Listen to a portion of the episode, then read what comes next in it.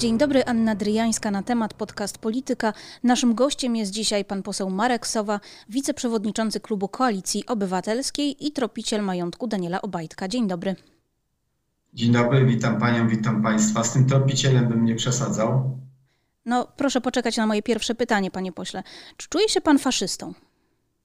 Nie. Dlatego, się faszyzmem. No bo Dlatego występowałem do prokuratury, żeby i podpisałem się pod petycją o zdelegalizowanie e, tych wszystkich bojówek narodowościowych Młodzieży Wszechpolskiej, e, które te hasła e, ONR-u, które te hasła głosili. Pytam pana dlatego, że właśnie y, ten y, epitet, to określenie faszysta usłyszał pan w Lanskoronie, y, gdy pojechał pan mówić o majątku Daniela Obajtka. Wójt PiS i jego stronnicy krzyczeli to słowo w pana kierunku. Czy pan się często spotyka z, jakim, z jakimś takim hejtem, czy, czy krytyką za zajmowanie się Danielem Obajtkiem? Przyznam, że na przestrzeni ostatniego tygodnia mm, osoby, głównie z mojego kręgu, pewnie też te, które mnie znają z mojej działalności samorządowej, e, wysyłają mi masę takich e, maili, informacji, dlaczego się tym zająłem, po co to robię, co chcesz osiągnąć. E, czasami nawet się podpierały interesem Rzeczpospolitej Natomiast y, od dwóch dni y, jest przypuszczony jakiś niesamowity y, atak e, troli. To widać w szczególności na Twitterze, no, ale szczerze powiedziawszy, to jest wkalkulowane w działalność, w działalność polityczną. Każdy, kto e, zajmuje się jakimiś tematami, musi mieć świadomość, że ta druga strona e, będzie starała zdyskredytować absolutnie się tym nie przejmuje, nie robi to na mnie żadnego wpływu, nawet e, nie przeglądam tego, więc e, przechodzi to obok mnie. No. A do wójta jeszcze bym się odniósł, jeśli pani redaktor pozwoli, bo ta historia ma jak gdyby mm, swój ciąg dalszy. E, pan wójt za moją konferencję prasową, na którą przyprowadził 20-30 E, osób i nagłośnienie i sam też przyszedł, złożył zawiadomienie do prokuratury i do sanepidu na mnie, że zorganizowałem zgromadzenie publiczne w Lanskoronie. A pan, a pan ile osób? To raczej on zrobił. A pan ile osób ze sobą zabrał, jeżeli on 20-30? Ze mną byli tylko dyrektorka mojego biura i, i, i, mój asystent, więc e, byliśmy, byliśmy w trójkę w Lanskoronie, nie było potrzeby ściągać większej ilości e, osób i oczywiście byli przedstawiciele mediów. Briefing jak briefing, niczym się nie różni, poza tym, że osoba Daniela Obajtka, jego szemrane interesy no, budzą coraz większą y, zainteresowanie opinii publicznej, dlatego na tych konferencjach to są praktycznie wszyscy przedstawiciele mediów. W Lanskoronie tak było ich znacznie mniej niż w Warszawie. A ile ma pan domów albo mieszkań, nieruchomości? Ja Dwa. Ja, ja, mam dom, y, mój dom y, rodzinny, w którym mieszkają moi rodzice. Ja w nim też mieszkałem do, do 2014 roku. To jest 184 metry kwadratowe powierzchni mieszkalnej i i jeszcze 100 metrów blisko strychu i piwnicy po zmianie przepisów trzeba ujawniać również tą część niemieszkalną. Nie, nie Przedtem się tylko mieszkalną podawało, dlatego te stare domy mają e, te powierzchnie dosyć e, duże. E, na, na tej działce jest również, no wiadomo, że jest też grunt 27 arów, to jest połowa tego co, co, pola, które rodzice mieli. No i oczywiście wybudowaliśmy się 7 mm, lat temu. E, dom jeszcze mamy de facto nieskończony, całe otoczenie, to jeszcze jest wszystko przed nami. E, też w mojej miejscowości rodzinnej w Bobrzku, e, tam mamy 190 metrów kwadratowych dom na działce 33-arowej.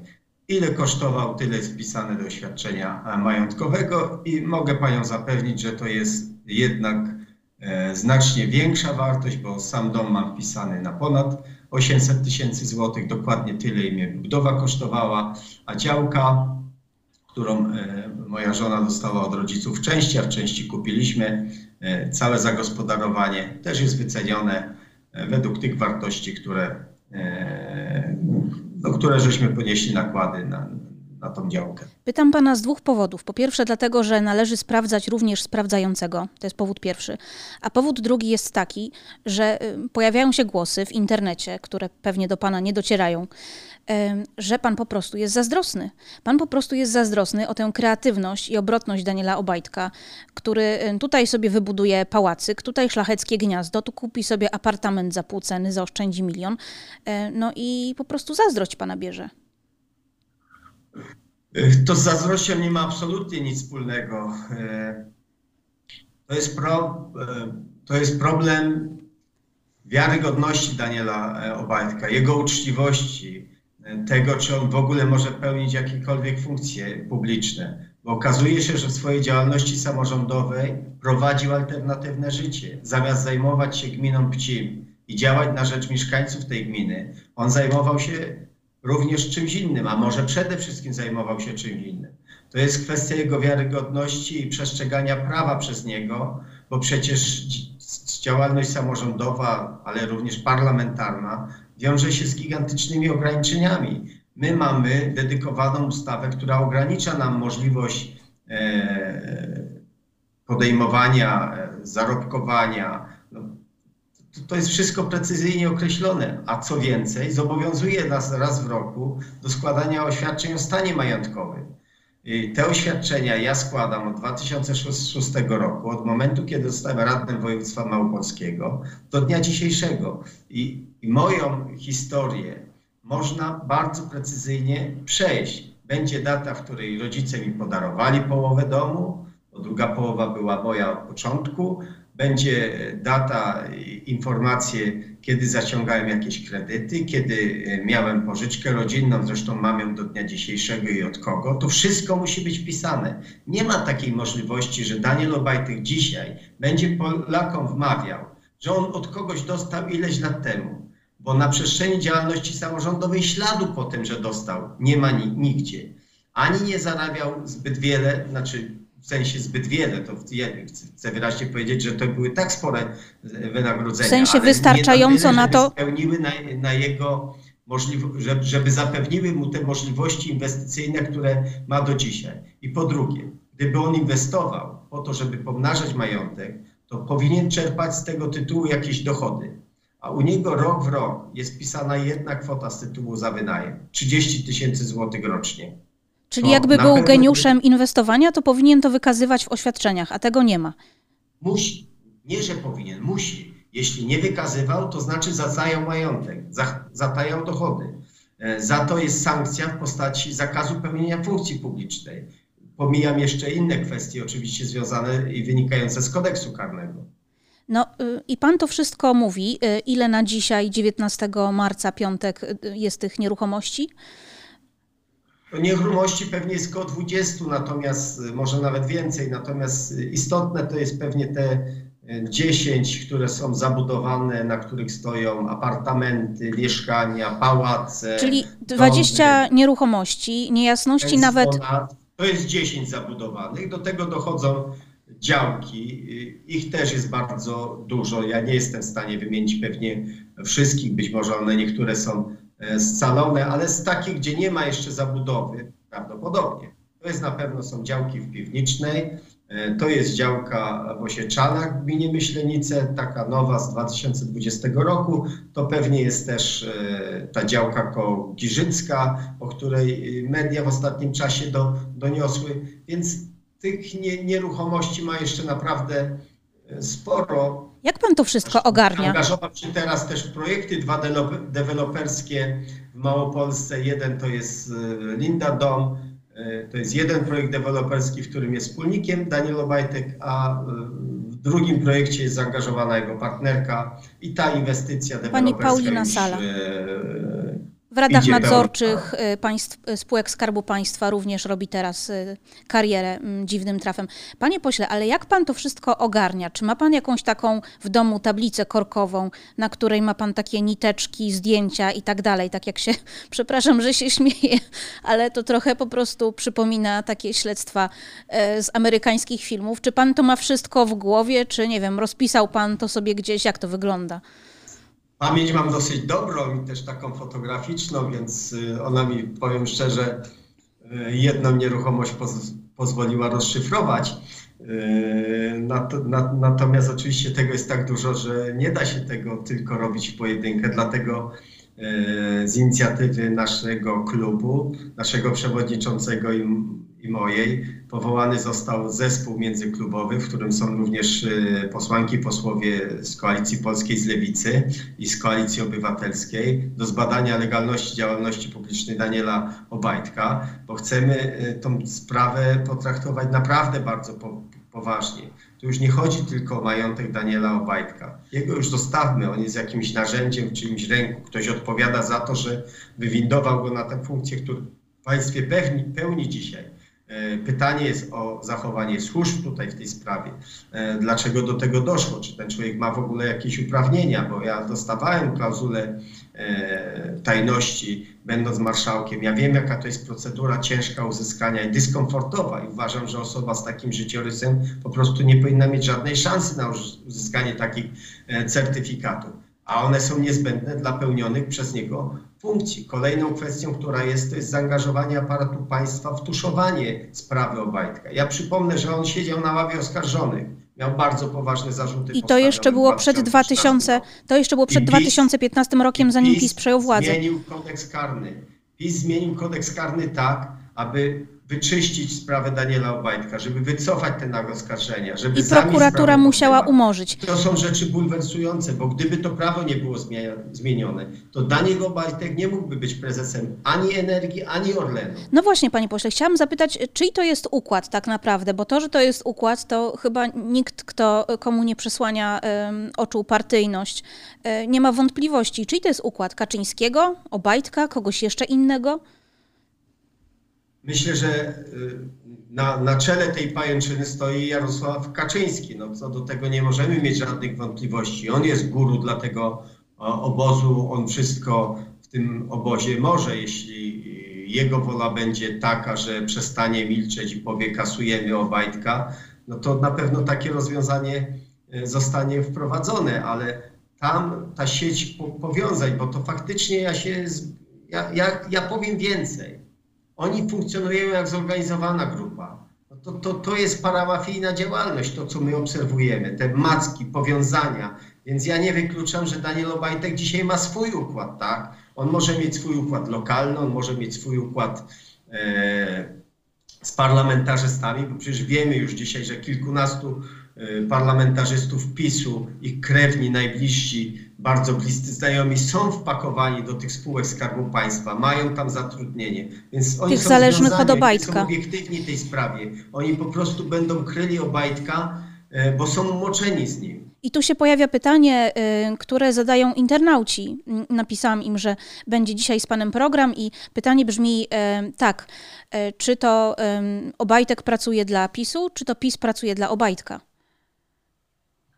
Na pewno był bardzo wygodną osobą. No, osoba, która ma za uszami tyle, mówiąc takim potocznym językiem, no, wykonała każde polecenie prezesa Kaczyńskiego.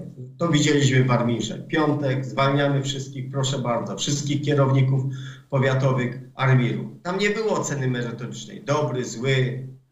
Mówi pan o wyrzuceniu pra z pracy kilkuset osób. Przegrali wszystkie sprawy w sądzie. Mhm. Poszedł do energii, potrzeba kasy na budowę Ostrołękę, nie ma problemu. Obajtek decyzję podejmował, przyjeżdżał do Ostrołęki, mówił, że kasa będzie. Efekt jest taki, że mamy zmarnowane półtorej miliarda złotych w Ostrołęce. Stoją dwa kikuty Kaczyńskiego, ktoś za nie zapłacił. Teraz są rozbierane. sankcji. Dzisiaj jest Orlen. Wychodzą na jaw E, rzeczy grubsze i mniejsze, no bo, bo choćby ta wczorajsza kwestia z, z, z, tymi parówkami, no ona w istocie rzeczy jest śmieszna, ale pokazuje, że, że Daniel Obajtek wszędzie widzi ten interes. On nie zajmuje się strategicznym zarządzaniem tej firmy, e, pomnażaniem jej, jego e, dochodu, majątku, pozycji. On się zajmuje po prostu, wszędzie widzi jakiś interes do zrobienia. Pytanie, w czyim interesie to robi, jest bardzo dobrym pytaniem. E, myślę, że nie jest osamotniony. Nie robi tego wyłącznie we własnym interesie. Takie jest moje przekonanie. Ale jak rozumiem. To dlaczego państwo polskie i służby mu na to pozwalają? To jest pytanie, które sobie też w gronie zespołu zadajemy i na którego odpowiedź spróbujemy, dla którego y, spróbujemy znaleźć odpowiedź. Kto kryje Obajtka? Pytam o instytucje państwowe. Na pewno była zaangażowana w to prokuratura, być może CBA. Nie jestem w stanie dzisiaj jednoznacznie y, powiedzieć, y, jak daleko idący jest ten legislacyjny parasol ochronny dla Daniela Obajtka. To jest, to jest rzecz, którą trzeba rozwikłać. To, jest, to leży w interesie państwa polskiego. Bo jeśli miałoby się tak okazać. Ale państwo jest zaangażowane w krycie Obajtka.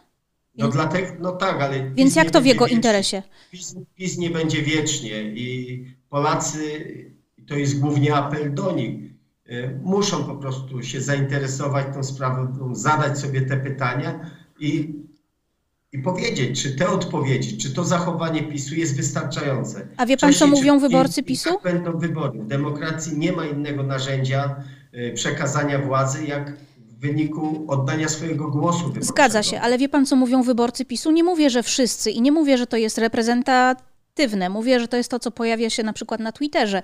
E, część wyborców PiSu organizuje sobie akcję jedzenia hot dogów na Orlenie, e, bo skoro nawet tutaj hot dogi robią znajomi pana mm, Obajtka, to znaczy dostarczają składniki do e, hot dogów, e, to trzeba pokazać po prostu w ten sposób wsparcie. Pojawiają się słowa, jaki on jest zaradny. Nawet ci, którzy mają jednak coś przeciwko temu, co on robi, czyli że nie ma pokrycia na swój majątek, mówią z takim niechętnym podziwem, no kurczę, facet ma łeb. A wy, część wyborców PiSu mówi, nasz gospodarz. Brawo. Mimo wszystko y, dominuje jednak przekaz y, bardzo negatywny dla, dla prezesa Obajtku Obajtka i całej tej y, sytuacji i towarzyszy temu gigantyczne od wielu dni zainteresowanie opinii publicznej w mediach społecznościowych. Poza jednym dniem, kiedy był ogłoszony całkowity lockdown, no można powiedzieć, że każdy inny dzień jest dominowany aferą Obajtka. I to bulwersuje opinię publiczną. Więc to nie jest tak, że politycy czy wyborcy PiSu nie zadają sobie tego pytania, jak on, skąd on wziął tą kasę. Oni może jeszcze o tym nie mówią. Oni może robią sobie ten hashtag murem za Obajtkiem, za który się będą wstydzić, bo to przecież te, nic w Polsce nie ginie, tak? W mediach również wszystko jest zapamiętane. Więc oni albo dzisiaj wiernie się przyglądają, albo milczą. Inni jeszcze mają taką odwagę iść zaparte, wypierać siebie, że, e, że mamy do czynienia z osobą z, e, z mroczną postacią, ale chcę zwrócić uwagę, że od kilku dni obserwuję, wczoraj byłem w programie z panem posłem Wypijem, porozumienie jest całkowicie zdystansowane. Oczekuję wyjaśnienia tej sprawy. Ale porozumienie to przystawka, panie pośle. Całkowicie zdystansowany. Porozumienie Mówi, to przystawka. Elektorat PiSu tego nie zrozumie. Jeśli nie padną odpowiedzi ze strony Daniela Obajtka, skąd miał te pieniądze. No są fakty. Te fakty to są apartamenty, pensjonaty, pałace, mieszkania, dworki. I pytanie, skąd człowieku to masz? Jak dorobiłeś się takiego majątku? Nie za 10 tysięcy miesięcznej pensji. To jest niemożliwe. Skoro nie jesteś krezusem finansowym, z dziada, pradziada nie masz działalności i majątku nagromadzonego, to skąd masz ten majątek? To pytanie będzie stawiane Danielowi Obajtkowi do końca. I mówienie, że kupiłem za swoje, nie wystarczy, bo dzisiaj jest pytanie o źródło pochodzenia tej kasy. To wie, nie jest pytanie. Wie pan, co Obajtek zrobi? Zrobił. Wie pan, co Zakładam, Obajtek zrobi? Zrobił. Obajtek pojedzie do jednej ze swoich 20 nieruchomości, wyłączy internet i państwa pytania zupełnie go nie dotkną. On nadal jest prezesem Orlenu. Nadal. Jest prezesem y, Orlenu, bo taka jest wciąż decyzja Jarosława Kaczyńskiego. Ale jak wiadomo, prezes Kaczyński potrafi zmieniać swoje decyzje. W ubiegłą sobotę ogłosił, że Jutro będzie projekt nowego polskiego ładu z racji tego, że wyszedł nowy układ, układ Obajtka, nowy wał, który zrobili, a twarzą jego jest Obajtek, zmienił tą decyzję. Nie będzie nic jutro ogłaszane. nie chcę w cieniu afery Obajtka ogłaszać jakichś propozycji, bo byłaby to rzecz groteskowa. Tak jak e, zmienił w tej sprawie, tak jestem przekonany, że wcześniej czy później yy, zmieni decyzję w stosunku do Daniela Obajtka, yy, a te dni kolejne będą dla niego bardzo ciężkie, bo będzie się dowiadywał z każdym dniem o kolejnych interesach Daniela Obajtka, o kolejnych milionach, które napłynęły do jego firm, do firm z nim powiązanych, o dotacjach, o uwikłaniu ludzi PiSu w te interesy. Jeśli chce poznać pełną prawdę, to, to niech go jeszcze potrzyma z tydzień, dwa tygodnie. Do, wielkiej, do Wielkanocy myślę, że temat będzie zamknięty. Panie pośle, E, powołaliście zespół do spraw Daniela Obajtka, powiedzmy tak w skrócie. Chodzi o wyjaśnianie e, niejasności finansowych wokół jego majątku. I co wy tak naprawdę możecie zrobić, e, posłowie, posłanki tych klubów Koalicji Obywatelskiej, Koalicji Polskiej Lewicy, co możecie zrobić oprócz zadawania pytań i ewentualnie transmitowania konferencji na Facebooku i na Twitterze?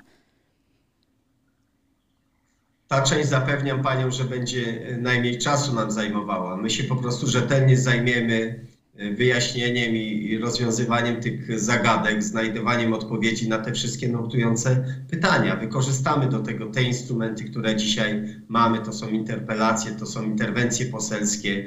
E, w dniu wczorajszym już pierwsze cztery zespoły zostały powołane. Jeden do zbadania działalności Daniela Obajtka w Armirze, żeby ta skala kosztów, które Armir musiał ponieść z tytułu e, zmiany oprogramowania czy też e, zwolnień, e, była publicznie znana. To jest jeden aspekt. Drugi aspekt dotyczy oczywiście zaangażowania służb prokuratury CBA w ukrywanie majątka Daniela Obajtka. Tym głównie się będzie zajmował pan poseł Szłapka, ale też razem z Michałem Gramatyką. To są kwestie bardzo istotne, aczkolwiek zdaję sobie sprawę, że w znacznej części e, niejawne. Jest już złożony wniosek o Komisję Nadzwyczajną Służb Specjalnych. E, kolejny zespół, który e, podejmuje interwencję, to jest kwala niegospodarności w elektrowni Ostrołęka. Tu jest jak gdyby temat zamknięty. Znamy koszty, wiemy jakie są, ale przecież ktoś podejmował te decyzje. W 2018 roku w Enei i w Energii zapadły decyzje o dokapitalizowaniu miliarda, miliardem złotych tej inwestycji. I te decyzje konkretne osoby podejmowały. I trzeba e, to precyzyjnie ustalić, wyjaśnić. I jestem przekonany, że z tego tytułu też będą wnioski kierowane. Tak jak to miało miejsce w dniu wczorajszym, kiedy poseł Joński ze Szczerbą zamknęli już temat e, dotacji, gigantycznego dofinansowania 86 milionów dla spółek, w których Daniel Obajtek ma udziały lub jest nimi powiązany poprzez e, wspólników z tej swojej spółki. I, i tam też bardzo precyzyjnie e, we wniosku do NIK-u pokazujemy, gdzie naszym zdaniem były nieprawidłowości i co powinno być zbadane, więc będziemy wykorzystywali te narzędzia, które mamy, choć od razu przyznaję, o wiele lepszym i skuteczniejszym narzędziem byłaby po prostu Sejmowa Komisja Śledcza, bo jest co, to by była zupełnie inna ranga. E, moglibyśmy wzywać świadków, odpowiadali by pod odpowiedzialnością E, karną, czyli nie byłoby możliwości nie przyjść e, na posiedzenie takiej komisji. Zeznania miałyby swoje konsekwencje prawne, więc oczywiście ubolewam, że takiej możliwości nie ma, ale na dzisiaj Sejm jeszcze PiS, Zjednoczona Prawica, jeszcze w tym parlamencie ma większość. Jak ją straci, to będziemy starali się oczywiście, żeby też temat komisji śledczej był wdrożony ale zanim to nastąpi, to chcemy zrobić jak największy kawał pracy. Postawmy tutaj na chwilę, zostańmy tutaj na chwilę przy tym, co się stanie, gdy PiS straci władzę, bo to jest kwestia czasu, niezależnie od tego, czy to jest rok, 5 lat, 10, nic nie trwa wiecznie.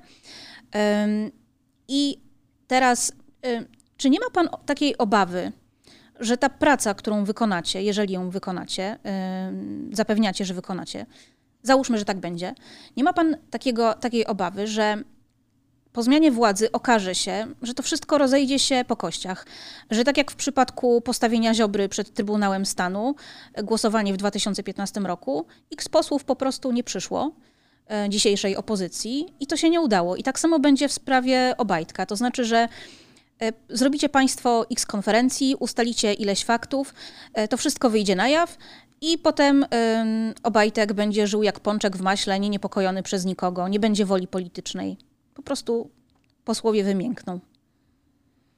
Mogę zapewnić tutaj Polki i Polaków, że takiej możliwości nie ma. Z pełną determinacją wszystkie nieprawidłowości, y, całą tą korupcję, nepotyzm, kolesiostwo y, nie tylko ujawnimy, ale również rozliczymy.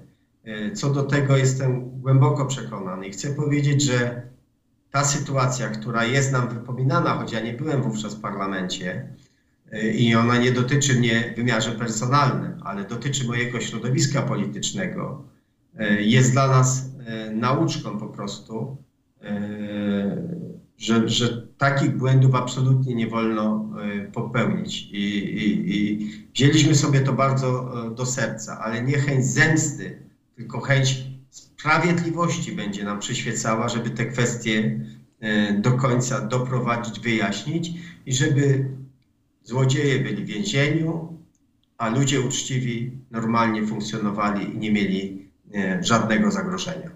Posłowie PiS e, rozmawiają z panem tak nieformalnie, niektórzy. Rozmawiacie o Bajtku, czy oni wiedzą, że to jest problem, czy Myślę, raczej... że tylko pokątnie rozmawiają o Bajtku. Ale nie, z panem. Czy z panem rozmawiają? Ile jeszcze mamy, co znowu odpalimy w cudzysłowie, czyli co powiemy, czy są jakieś nowe elementy. Y, pytają się oczywiście o to, pytają. Myślę, że, że jeśli ktoś jest rozsądny i no musi zadawać sobie te pytania. Ale to, to jest niepokój czy to, ciekawość? Co to jest? Znaczy, znaczy myślę, że to jest takie pytanie. Pani na początku o, zapytała mnie o mój majątek. Zupełnie naturalne pytanie, prawda? Ja byłem marszałkiem województwa małopolskiego przez pięć lat, byłem wicemarszałkiem, wcześniej dyrektorem. Nie mam gorszej kariery samorządowej od Daniela Obajtka. W żadnej mierze. Nie osiągałem niższych dochodów. Może nawet parę złotych więcej zarobił. I, I oprócz tego majątku, który pani ujawniłem, mam jeszcze 170, ponad 200 tysięcy mam jeszcze kredytu do spłaty. A spłacam już 6 lat ponad 3000 miesięcznie. Nie mówię po to, żeby się skarżyć, tylko pokazuję, jakie są możliwości. Może jest pan mniej kreatywny. Tej raty, prawda? Może jest pan mniej kreatywny niż Daniel Obajtek. Z oszczędności, części z kredytu, ale to jest wszystko. I ci posłowie PiSu, którzy młodsi są albo starsi, mają podobną karierę, oni przecież też nie dysponują dziesięcioma domami, nie dysponują pięcioma mieszkaniami. Więc co oni są gorsi, mniej operatywni od Daniela Obajtka? No może tak mniej. na pierwszy rzut oka mogłoby się wydawać. Może tak właśnie, może mniej. Są po prostu bardziej uczciwi. Jeśli są bardziej uczciwi, to muszą sobie zadać pytanie, dlaczego w ich środowisku politycznym jest ktoś taki, bezwzględny, cyniczny, który dorobił się nie wiadomo skąd takiego majątku, takiej kasy. Oni muszą sobie to pytanie zadawać. Ich musi po prostu wściekłość ogarniać i wierzę, że w pewnym momencie to wybuchnie. Również wybuchnie w środowisku PiSu. Choć mi w szczególności zależy, żeby wybuchło to w środowisku wyborców PiSu.